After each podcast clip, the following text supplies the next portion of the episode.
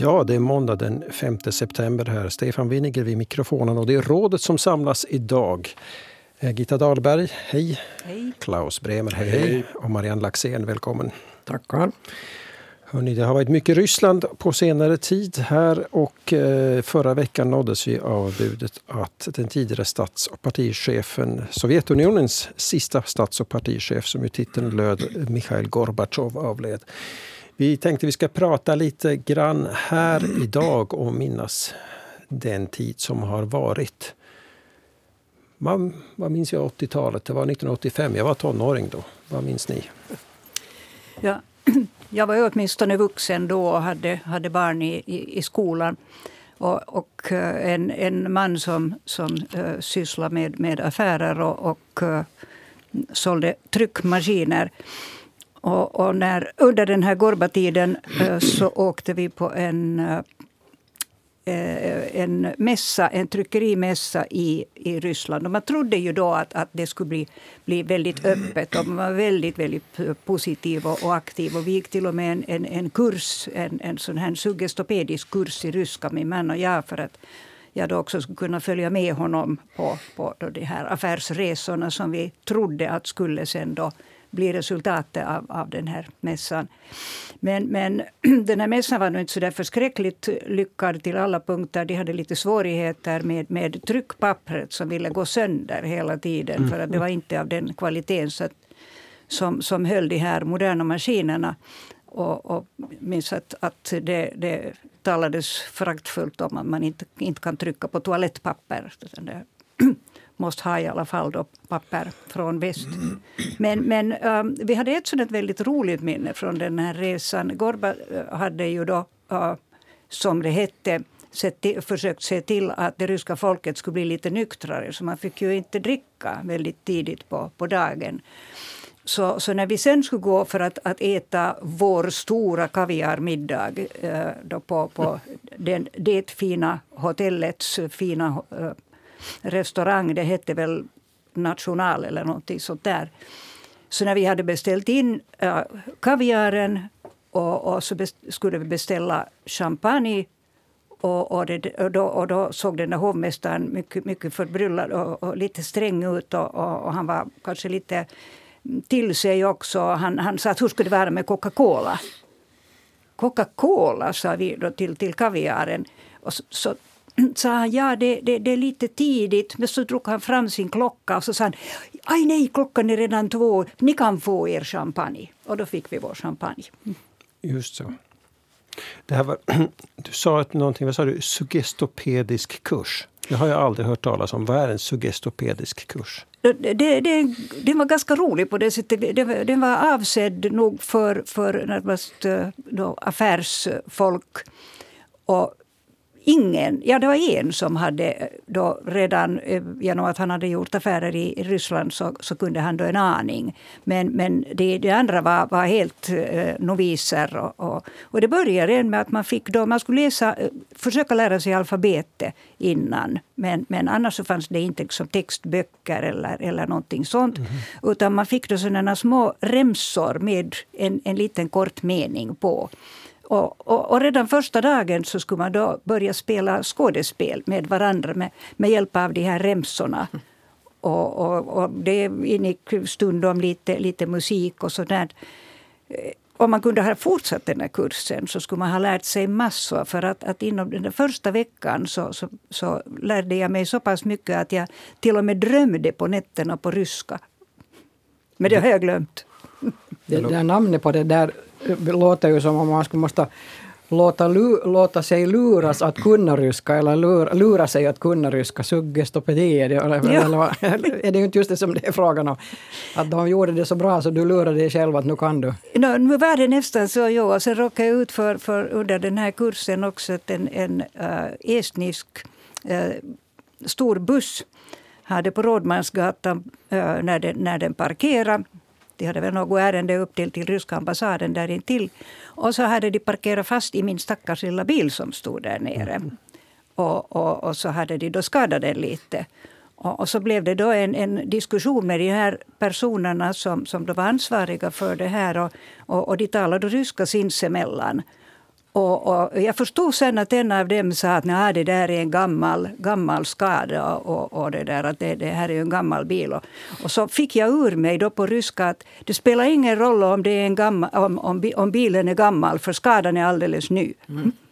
Ja, det var, det bra sagt. Bra sagt. Och om, du, om kursen leder till att du börjar drömma på ryska så inom en vecka så måste du ha en synnerligen effektiv pedagogisk ja, metod.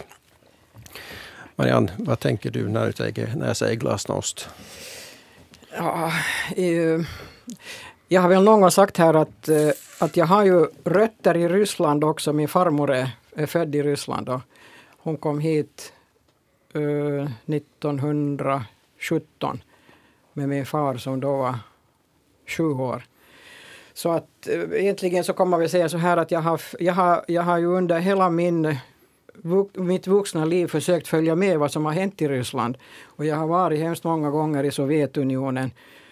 Jag tror att det började någon gång i början på, på 70-talet. Så att eh, jag har sett en hel massa ganska förskräckliga saker där också upplevt en hel massa.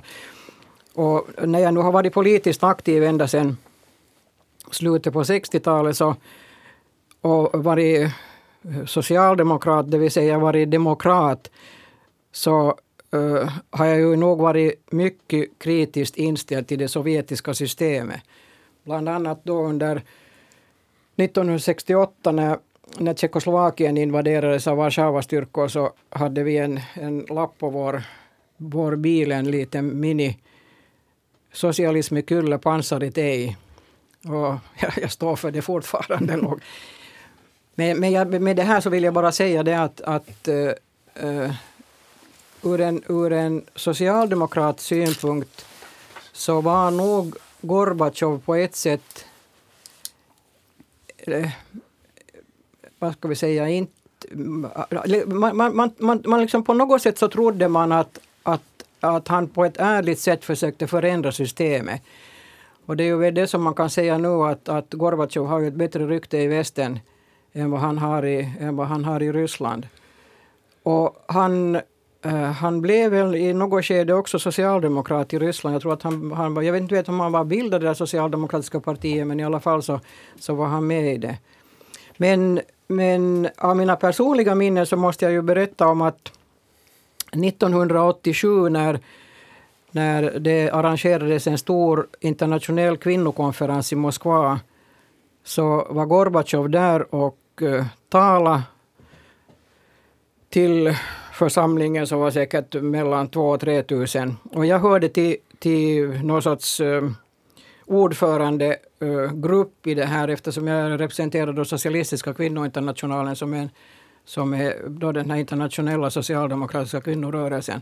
Och jag har skakat hand med president Gorbatjov när han, han hade ett extra, ett extra möte med de här ordförandena. Och det var mycket trevlig diskussion och han var liksom mitt intryck av honom var det att han var hemskt avslappnad och, och, var till och med intresserad av vad en kvinnokongress håller på med. Jag, no, politiker kan ju nog vara intresserade var som helst, det är frågan om det. Men, men jag fick ett sånt här ganska sympatiskt intryck av honom. Och han hade ett bra tal dessutom, det kommer jag ihåg. Inte för att jag nu kommer ihåg vad han sa mer, det, det är sen en annan sak. Och sen ännu till mina personliga minnen så, så har jag också varit jag har varit i, i Stavropol där Gorbatjov uh, började som partisekreterare före han, blev, före han kom med i, i den här politbyrån, tror jag. Stavropol var en förskräcklig stad.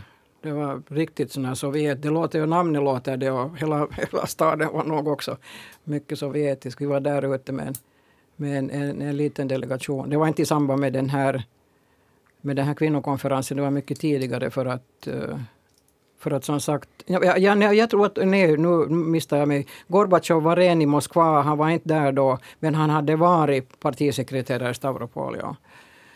Så att, eh, jag vet inte om, om eh, det, det, som jag tycker att det kanske är viktigt för oss att komma ihåg är nog också det att, eh, som jag sa, att, att han var populär i väst men han har blivit lite sån här persona non grata i, i dagens Ryssland och det tycker jag att det är jättesynd för att där ifrågasätter man nog också demokratin. Det är ju inte bara perestrojkan och glasnost utan det var ju fråga om, om att demokratisera systemet. Men man kan ju inte demokratisera ett kommunistiskt system utan att riva ner det. Det är nog det som är lärdomen av det hela. Mm. Mm. Jag kommer väl ihåg när Gorbatjov kom. Han kom som en frisk fläkt och man drog andan och tänkte att äntligen blir det någon reda på det här. Äntligen får vi kanske fred här och får vi ett västerländskt samhälle sakteligen i, i, i Ryssland. Att det, det var som en befriande vind när han kom. Eh, sen ska man dock komma ihåg att han var illa piskad till det i Ryssland. Alltså det fanns ingenting där. Det, det fanns ingenting som gick att köpa överhuvudtaget annat än alkohol. Och, och sitta på, alltså pengar fanns det men det fanns ju inte kläder, inte textilier, det fanns ingenting. Den där tvålen luktar ju samma sak i hela Ryssland och äcklig vedervärdig parfymlukt. Och, och, och, så att han hade just inget val, vilket man glömmer idag i Ryssland. Mm. Och, och det där att, att riva ner kulisserna och försöka komma till tals med, med västern som då var av helt annan nivå. Att, att det, där, det är att hur mycket han faktiskt var sådan och i vilken mån han var tvingad till det så förblir det en gåta. Det finns många som säger att nu var han en inlärd rysse och rysk statsledare ändå trots allt. Men han insåg det omöjliga. Det där, den här, det om honom och intrycket jag fick då. Nu var det så att jag var redan 1957 i Estland via Leningrad och, och det där. Och jag kan säga att då redan fanns det överhuvudtaget ingenting att köpa. Med strumpbyxor eh, från Antilla och, och allt vi förde med oss dit så, så, det där, så man blev miljonär på kuppen. Man hade så mycket pengar. Man, Rubelmiljonär. Jo, man, man, visste inte vad man skulle göra. Ja, man ska komma ihåg att rubeln var konstgjort i samma kurs som dollarn. Mm. Och, och, det där, och en massa, massa dråpliga händelser där hände faktiskt som vi inte kunde förstå och sätta oss in i. Men att alla hade ju pengar i en sån här eh, klassisk bunt rullad ihop och med ett gummiband hölls det ihop och det var, det var då om vartannat fem rubel och tio rubel och hundra rubel och, och det där. Bara för att berätta en rolig story som vi tycker var rolig var att att eh, det enda man kunde då göra där var att eh, festa på Pirita strandrestaurangen som var en kopia av Fiskartorpet för övrigt, den där salen. Och, och det där, och, eh, vår goda vän Eki, Eki M, vi ska inte avslöja hans namn, han drack sig stupfull där och, och kom med taxi till Palace Hotel i, i, det där, i Tallinn. Och, och, det där, och, och då hade vi kom överens om som regel att vi ber aldrig några pengar tillbaka. Vad som helst, helst krävs av oss som betalning så tar vi sedlarna från den där rullen och eh, sedelbunten och ger och sen när det går över så säger vi att det är bra så här. Och när jag tänker efter så den här taxiresan från Pirita kan inte ha kostat eh, kanske två, tre rubel. När man tänker på två, tre dollar. Och det där, no, eh, Eki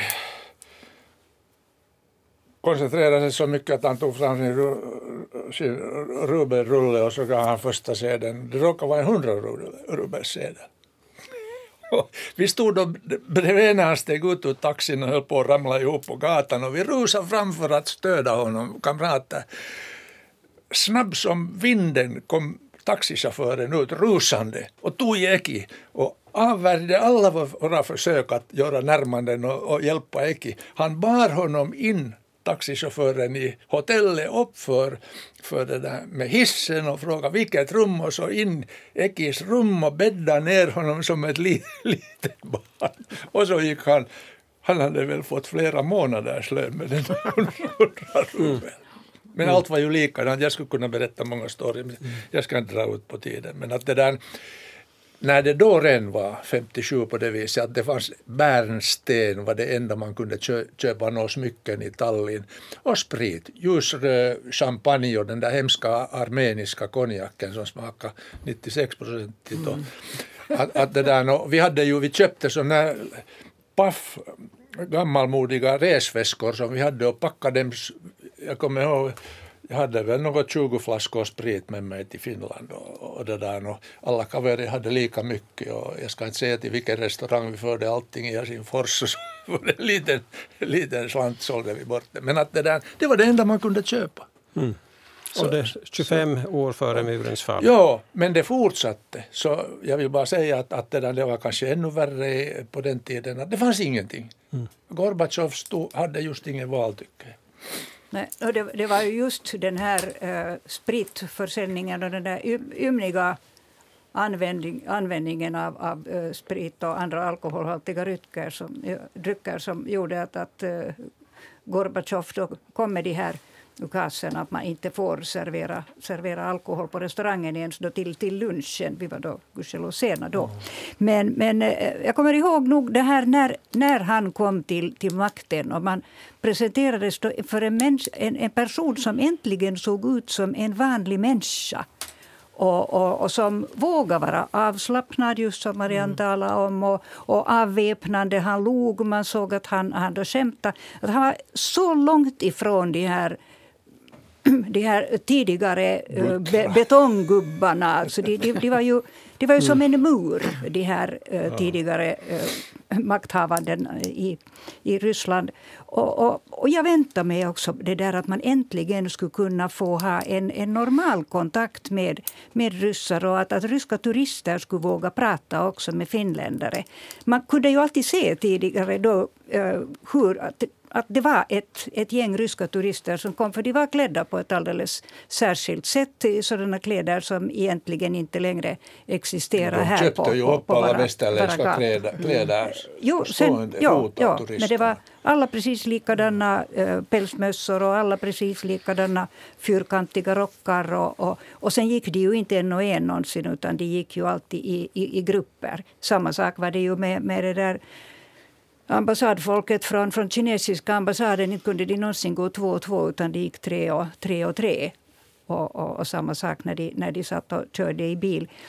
Men, men eh, det var nog en jättebesvikelse för mig sen när, när han inte kunde fortsätta. Och, och så kom då den här Jeltsin som, som ju också för all del var en, en, en fryntlig typ. och, och, och med, med hjälp av, av just de drycker som Gorbatjov tyckte att man inte skulle dricka så, så mycket så blev han ännu fryntligare och till slut så var han ju totalt oregerlig både till kropp och själ. Så att, att det, det, det blev ju sen liksom ingenting. Det, det var men jag är ändå glad att det väckte en sån här optimism också. Eh, menar, inte bara hos, hos eh, oss personligen utan det var liksom worldwide en, en sån här glädje över att nu skulle Ryssland äntligen bli en del av den övriga världen. No, förutom nu Kina som också var väldigt, väldigt stängt och väldigt strikt och rigoröst. Ja, Men så och, blev det ju inte och, och, nu går det ju åt fanders. Mm. Worldwide var väl lite så att, som jag sa, det, ju, det var västvärlden som, som kanske blev gladare av Gorbatjov än, än vad, än vad ryss, ryssarna blev. Men jag skulle lite återknyta till det här som, som Klaus talade om, den här ekonomiska situationen och att, att man inte fick köpa någonting. Eh, det, det, det, som hände i, i Sovjetunionen var ju det att man hade en så kallad grå ekonomi eller liksom ekonomin skedde utanför det, det, det, officiella. Man bytte ju saker och ting med varandra. Man stal från fabrikerna och kom hem och bytte, bytte till, till, till bilen om man behövde några något delar dit eller, eller bytte det ena och bytte det andra. Så att det som egentligen mättes i ekonomin och jag vet inte hur, hur, hur pålitliga den här statistiken alls var eftersom de satt kanske och för, förfalskade några siffrorna att det skulle se bättre ut. Men, men det som skedde var ju det att, att man hade en bytesekonomi. Och därför kan man väl säga att, att trots att man inte hade några saker att köpa i butiken så de flesta människor klarade sig på det här sättet i alla fall. Att de, de bytte mm. saker med varandra och, och, och, och, sen så hade man ju också, jag menar också i storstäderna så hade ju många sådana kolonilotter där de, där de eh, odlar grönsaker, och, eller inte grönsaker så mycket men odla potatis och, och kål. Det var väl det som man åt under vintern. Så att man hade, liksom man hade egentligen så byggde den här ekonomin på, på, på sådana eh, på, inte på det officiella utan på det inofficiella. Och det är därför som, som också ryssar nu klarar sig bra om de har det ekonomiskt svårt så finns det alltid liksom någonting som fungerar. Så, och dessutom så är de ju vana vid att vara fattiga. Så att, jag menar om vi nu tittar på, på, på den här Putin-eran så har ju medelklassen blivit vuxit och fått det, uh, fått det bättre. Men, men de här, nu talar jag om de här tanterna i min ålder, de här pensionärstanterna, det är de som har lidit under, under Sovjettiden och nu under den här nya eran. Det är de som betalar liksom saker och ting. De, de, de har otroligt låga pensioner men de klarar sig dag för dag i alla fall. Så att eh, det, jag menar, om vi, om vi talar om Gorbas politik så han, han ville väl, men som jag sa och som det visar sig, man kan ju inte ändra ett kommunistiskt system eh, till en demokrati med fredliga medel. Det, liksom, det, det, blev ingenting av det hela. Så kommer Jeltsin så som eh, Gitta, Gitta här sa, men han sålde ju sig billigt. Han sen också till Putin, jag har läst den här, är det nu Belton eller Bolton heter den Katarina som har skrivit, Katrin, som har skrivit en jättetjock bok om Putin, jag läste den under sommaren. Men, men där, det, där, det, där det då liksom kom fram det här att, att Jeltsin eh, var helt enkelt tvungen att överge makten åt Putin, det vill säga KGB, för att annars så skulle han ha blivit eh, ställd inför rätta för, för all de, all, alla de medel som han har försnillat av staten. Mm.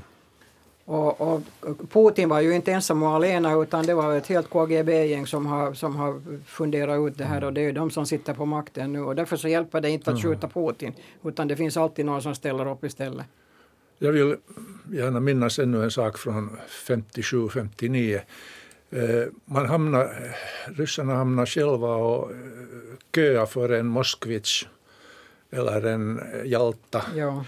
I fyra, fem år. Är deras bilar hette så. Och, och, och, det där, och jag var ju då med ett gäng, ska vi säga, vi körde en landskamp där och, och det där estniska landslagets killar blev ju väldigt goda bekanta med oss och vi tog dem ofta på semesterresor sen till Finland och, och sådär. Det där, många av dem stod på kölistan för att få en Mosse eller en Jalta. 1957 kommer jag ihåg. Var det så att 59 var liksom bristen på västerländsk valuta så hård i, i Ryssland att om du kunde betala den med dollar så gick du förbi alla köer. Mm.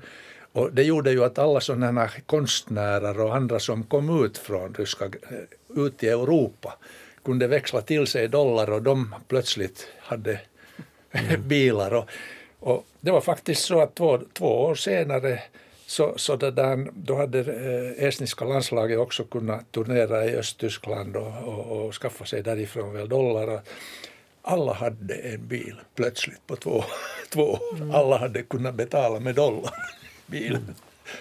Att så här gick det till. Ja, det, det som jag tycker är, är, är väldigt ledsamt eh, är, är det som fortfarande finns, och nu håller det på att skärpa, skärpa sig ytterligare. Den här rädslan för att prata med, med främlingar. För att man hela tiden då under den där Sovjettiden så så var ju folk eh, vaktade. De vaktade på varandra och, och det kunde bli angiven till och med av sina egna barn. Och det trodde jag när, när vi då åkte mot slutet av, av 80-talet till, till Leningrad att, eh, att det var över. Man hade på något sätt fått den där bilden av att allting, allting var liksom öppet och, och, så normaliserat. Ja. Och sen skulle jag göra ett, ett reportage då jag skulle skriva om, om rysk matkultur. För jag tänkte att då, hur, hur, få en, en bild av hur dagens ryska matkultur såg ut. Och jag hade talat på förhand med hotellet och de skulle se till att, att då en av, av kökscheferna skulle ställa upp. Och, men, men ja, de skulle skaffa en, en, guy, en, uh, en tolk. Men sen när, när vi kom dit, så dag ett så fanns det då inte någon kökschef. Då skulle det nog ha funnits en tolk, sa de. Dag två så fanns det ingen tolk, men nu skulle det ha funnits en kökschef. Mm. Så det, det, gick inte, det gick inte alls. Men, men det där ett tydligt tecken på hur det stod till med, med den här matkulturen just då i Ryssland var, var kanske då den enorma meny. Ja, så det, var, det var stor som ett, ett lakan på en, en dubbelsäng. Och det fanns hur mycket rätter som helst på den. Men Sen när man började fråga efter de rätterna så nej, det fanns inte och det fanns inte och det mm. fanns inte. Okej, okay, vad fanns det? Jo, det, det, det som nu är skrivet för hand där, så det finns nog åtminstone. Okej, okay, sa jag, så pekade jag då på, på en där det då stod tomat, tomat i. Och jag sa att hur, hur är den då tillredd? Är det en sallad, är det en soppa eller, eller något sånt? Nej, nej, nej, tomati. Och jag, jag sa att jo, jag förstår tomati, tomati, men, men hur som då jag försökte få ur mig, men inte hade jag ju på, på min suggestopediska kurs ännu lärt mig det där med att steka och koka och, och, och, baka. Så det tog en stund, men, men det där men det var helt enkelt färska tomater och han var urlycklig över att han kunde erbjuda mig färska tomater. Mm. Så att, när de, sen kom de där tomaterna så var de visserligen färska men de var nog ganska råa ännu. Just så. Det låter som... Ja berättelser ur en, tid som, som allt färre minns nästan dagen. Alltså det låter osannolikt nästan att höra de här berättelserna. För jag har aldrig varit i Sovjetunionen. Så att det, du har inte varit? Nej, nej. jag har varit i Ryssland ja, en gång ja, men ja, långt senare. Sen. Ja, nej, det, jag tror att det, det, finns ju många, eller jag säger så här, många finländare har ju varit i Sovjetunionen. Mm. Och också yngre än, än vad vi är här. Så att, att vi har ju sett en hel massa och haft, liksom, haft uh, kanske bättre kunskap till exempel än vad, än vad man har haft i de där övriga nordiska länderna. Nu den, den erfarenhet som jag har nu när jag har varit aktiv, eller nu har varit aktiv inom, inom de här fredsorganisationerna och försökt få till stånd ett nordiskt samarbete, så är ju det att, att uh, i norra Norge så har man ju nog goda kontakter, hade före, före det här kriget i mm. Ukraina, goda kontakter över eh, mellan Nor Norge och Murmanskregionen. Nu är de avbrutna totalt. Och där, där, hade, där, där var det ju så att, att, eh, att norrmän var över på gräns, andra sidan gränsen och jobbade och, och, och, och, ryssarna kom på andra sidan gränsen och köpte upp så som de har, som de har mm. varit här i, vid Vilmarstrand också, ryssar från på finska sidan. Men att, att, eh, att övriga Norden har, har nog, vad jag har förstått, liksom varit ganska ute när det gäller, när det gäller situationen i Sovjetunionen och, och hela utvecklingen mm. där. Så, så den, den, det intrycket har jag nog mm. tyvärr. Nej, jag var själv för liten, men jag, jag, minns bara hur det, hur det hette där att folk mm. som reser till Sovjetunionen tar med sig Levi's jeans och amerikanska cigaretter och då kan man få vad som helst för det.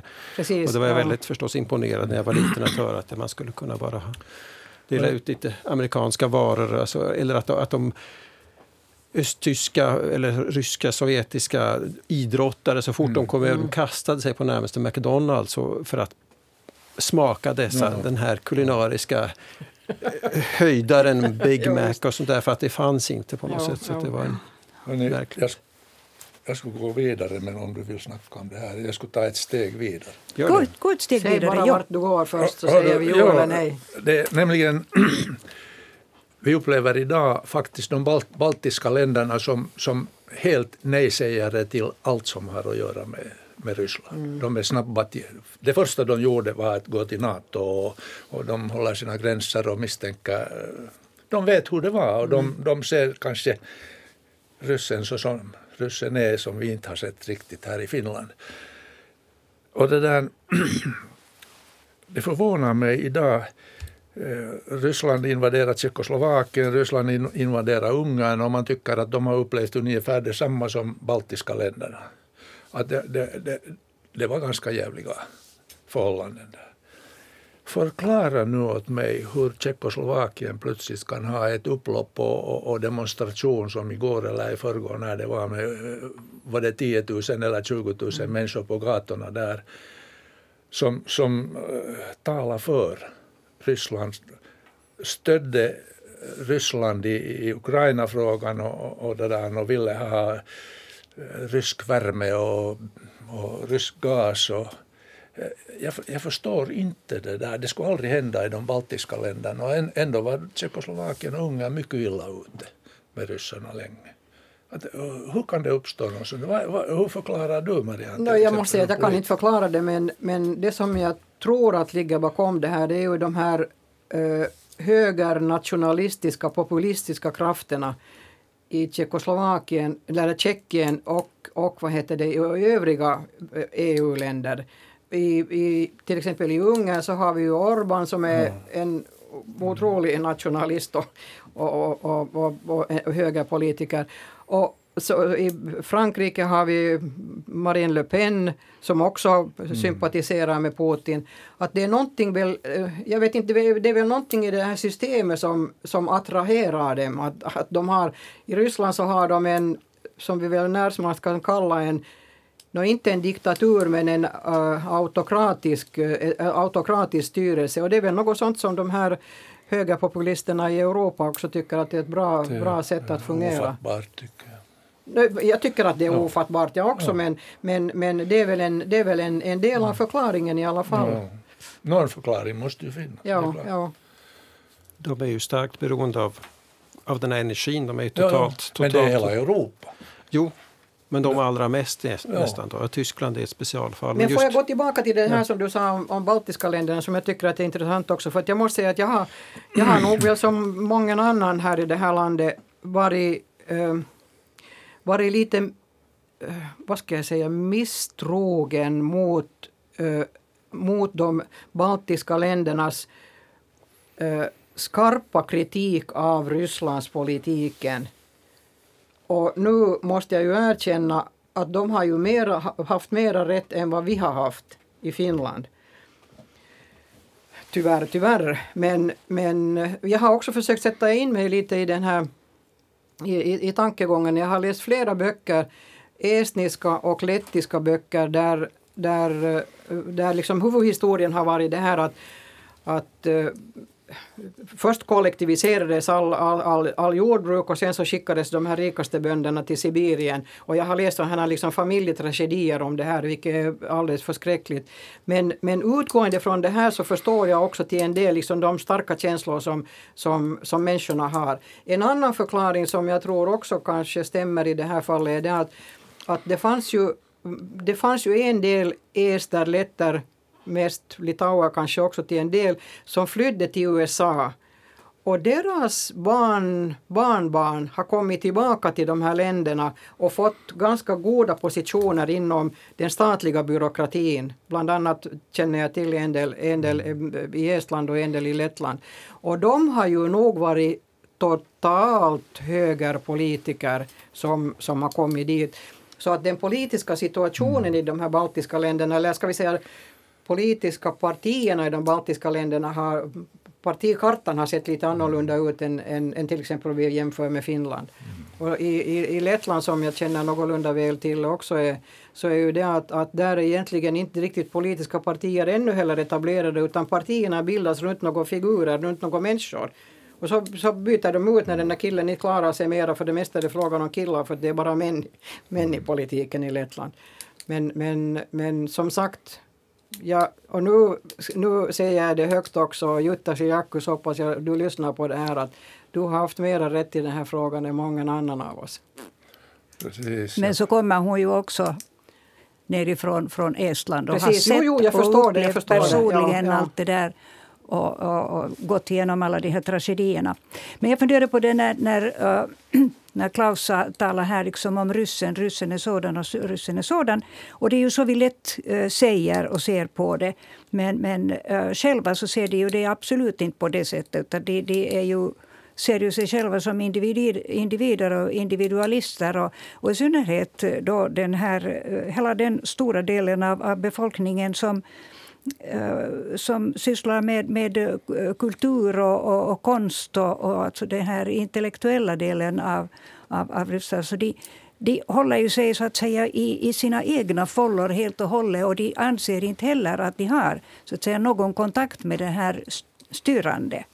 Och, och, och det är ju nog någonting som, som eh, man naturligtvis kan, kan försöka hoppas att de ska, att de ska våga tala ut och de ska våga, våga det där påminna sitt, sitt eget, sina, sina egna, sina grannar, sina vänner om vad, vad landet kunde, kunde bli om man inte skulle gå med på att alltid rösta på det enda parti eller det enda det styrande partiet. De där andra får ju då bara i, i, ibland synas lite men inte särskilt mycket.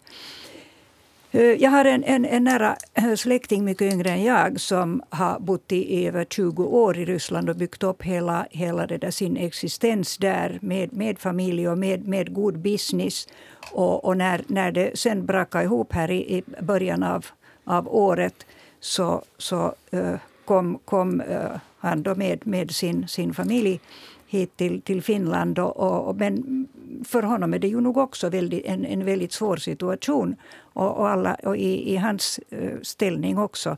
Vad göra med det som sitter fast där? Mm. Och, och, finns det ens som en, en framtid att se fram emot? Eller ska man så att säga måste, måste då börja helt och hållet från, från scratch och, och, och lämna allting bakom sig som efter en stor konkurs? Så det, det finns sådana där, där, där man då är både finsk och rysk, så att säga. Nu. Jag skulle bara vilja säga, och det har vi sagt förut också, att man kan inte säga att ryssen är sån här, finnen är sån här, svensken är sån här, finlandssvensken är sån här. Det, det, det, det är fel. Så att jag, jag, vi, vi kommer ihåg då när det här kriget började så sa vi ju att det är Putins administration som för det här kriget, det är inte ryssarna som för det. Och det finns ryssar som har alla möjliga olika åsikter men de ryssarna som har åsikter som vi så de får ju inte sin talan hörd mera där i alla fall. Mm. Det där är ju helt klart. Borde, det är klart, det är ett talesätt att tala om ryssen. Men, men därför ska vi inte göra det. Ja, ja, ja, men det, det, är ju helt klart att, att det där, man talar om en, en brist på demokrati på det viset att folket är skilt och den styrande delen är skilt.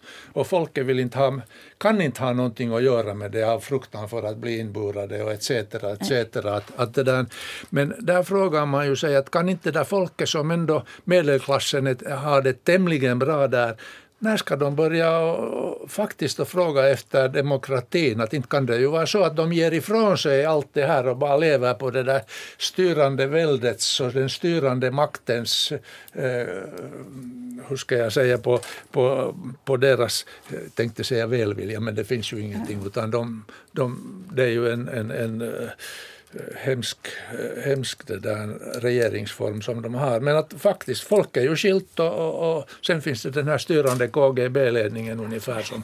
som men som men man där. skulle vänta sig att, att, folket, det där som, som hela tiden trycks ner, att det skulle ske så där som när man kokar allt för länge och med, med allt för hög låga under en, en tryckkokare. Ja, men det, det, det bygger upp ta, det Titta lite på historien. Nu har det ju, nu har det ju gjorts revolutioner där förut nu. Mm. Det, så nu, nu, kommer det att, nu kommer det att bli, men nu händer det på det här sättet som jag läste någonstans att det, det flyttar, medelklassen flyttar bort från Ryssland. Det var ju miljoner ja. som hade... Men vad är det att fly från det? No, det är att fly naturligtvis. Bättre fly än illa fäkta ja, ibland. Men, ja, ja, men jag menar, de lämnar, de lämnar de svagaste kvar. De, just det. Det var ju det som när de rensade ut hela den intellektuella delen, alla de experter och sådär då för, för många jag, decennier sedan så, så blev det ju då en medelmåttig massa kvar ja, som inte kunde bygga upp landet. Tack för ordet damer. Det jag ville komma till är att jag förstår eslänningarna och letterna och Litauen. För att det där, när vi då 57 och 59 spelade där landskamper så, så, så, det där, så kommer jag väl ihåg, Ryssland höll ju på att avfolka den manliga delen av folket genom att skicka dem till Sibirien och, och värnplikten som, ryska värnplikten som väl var två, tre år så alla alla estländare, alltså estlänningar, ungdomar, pojkar, kördes ju till förläggningar bakom mural så långt som möjligt. Och där man hoppades att under de två åren så skulle de hitta någon trevlig flicka och stanna och vara där. Och samtidigt till de ryska bastionerna i, i Estland så hämtades det ju bara ryskt folk. Och det hände en skojig grej när vi spelade en landskamp där så, så, så det där så det var en gosse som hade eh, gjort sin värnplikt, en rysse, riktigt äkta Baranov hette han. Och, det där, och, och Och han hade då efter sin värnplikt stannat i Ryssland så som ryssarna ville att de som avtjänar, ryssarna som avtjänar sin värnplikt så hittar en flicka och stannar i, liksom förryskar det där samhället. Och det där, han var stor och stark, och jävligt stark och eldig. Och det bästa man kunde göra med honom var att säga att kuule, inte du ju någon inte det du ju någon estlänning fast du spelar i estniska landslaget, du är ju rysse. Mm. Och han blev så eld och låg så vi fick honom alltid utkörd. och det blev han med en av de starkaste spelarna. han blev utkörd för det mesta. Vi blev av med honom. Du har vilda minnen. Men, men det, här, det här bara avspeglar det där att hur de ryska, äh, estniska ungdomarna forslades bort så långt som möjligt och istället kom det ryssar och man hoppades mm. stanna. Man, ja, och sen, man förryska det där samhället. Precis, just det. Och sen så gjorde de ju på det sättet också att att när de, när de behövde kvinnor dit så grundade de sådana här textilfabriker här och där, jag vet att i Lettland ja. speciellt. Och så kom det då ryska kvinnor in med så att, att, att, att det, det, det, det utbudet fanns där också. Men alltså en sak planekonomi ännu, också på äktenskapsmarknaden. Ja, men en sak ännu som jag vill säga att, att uh, det finns ju inte så mycket ryssar uh, i, i Litauen som det har funnits uh, eller som det finns i både mm. Estland och Lettland. Ja. Och Litauen, av någon underlig orsak så var de klokare. De tog inte emot industrier utan de ville vara ett jordbruksland. Och det klarade de av på det sättet att det var otroligt lite inflyttning av, av ryssar till Litauen. Om ni tittar på statistiken så, så är det mycket mer hade varit i, i både Estland och i, i Lettland än, än i Litauen. Mm. Och de har ju inte heller problem med Ryssland, med, med den här ryska befolkningen nu, varken i, i, i, eller i Litauen har de inte problem. Samma inte in, inne inom landet, men de är ju väldigt kritiska mot Ryssland. I, i Lettland också, ja. det, just det. Ja. Det tar tid att läka historiens sår och det här kriget som pågår nu det kommer också dröja. Så det räcker hörni. Vår tid håller på att ta slut här i rådet så därför måste vi säga tack för idag. Gitta Dahlberg, Klaus Breven, Marianne Laxén för era tackar, tackar. berättelser här. Stefan Winiger heter jag. Tack för att ni lyssnade. Vi hörs igen. Hej då.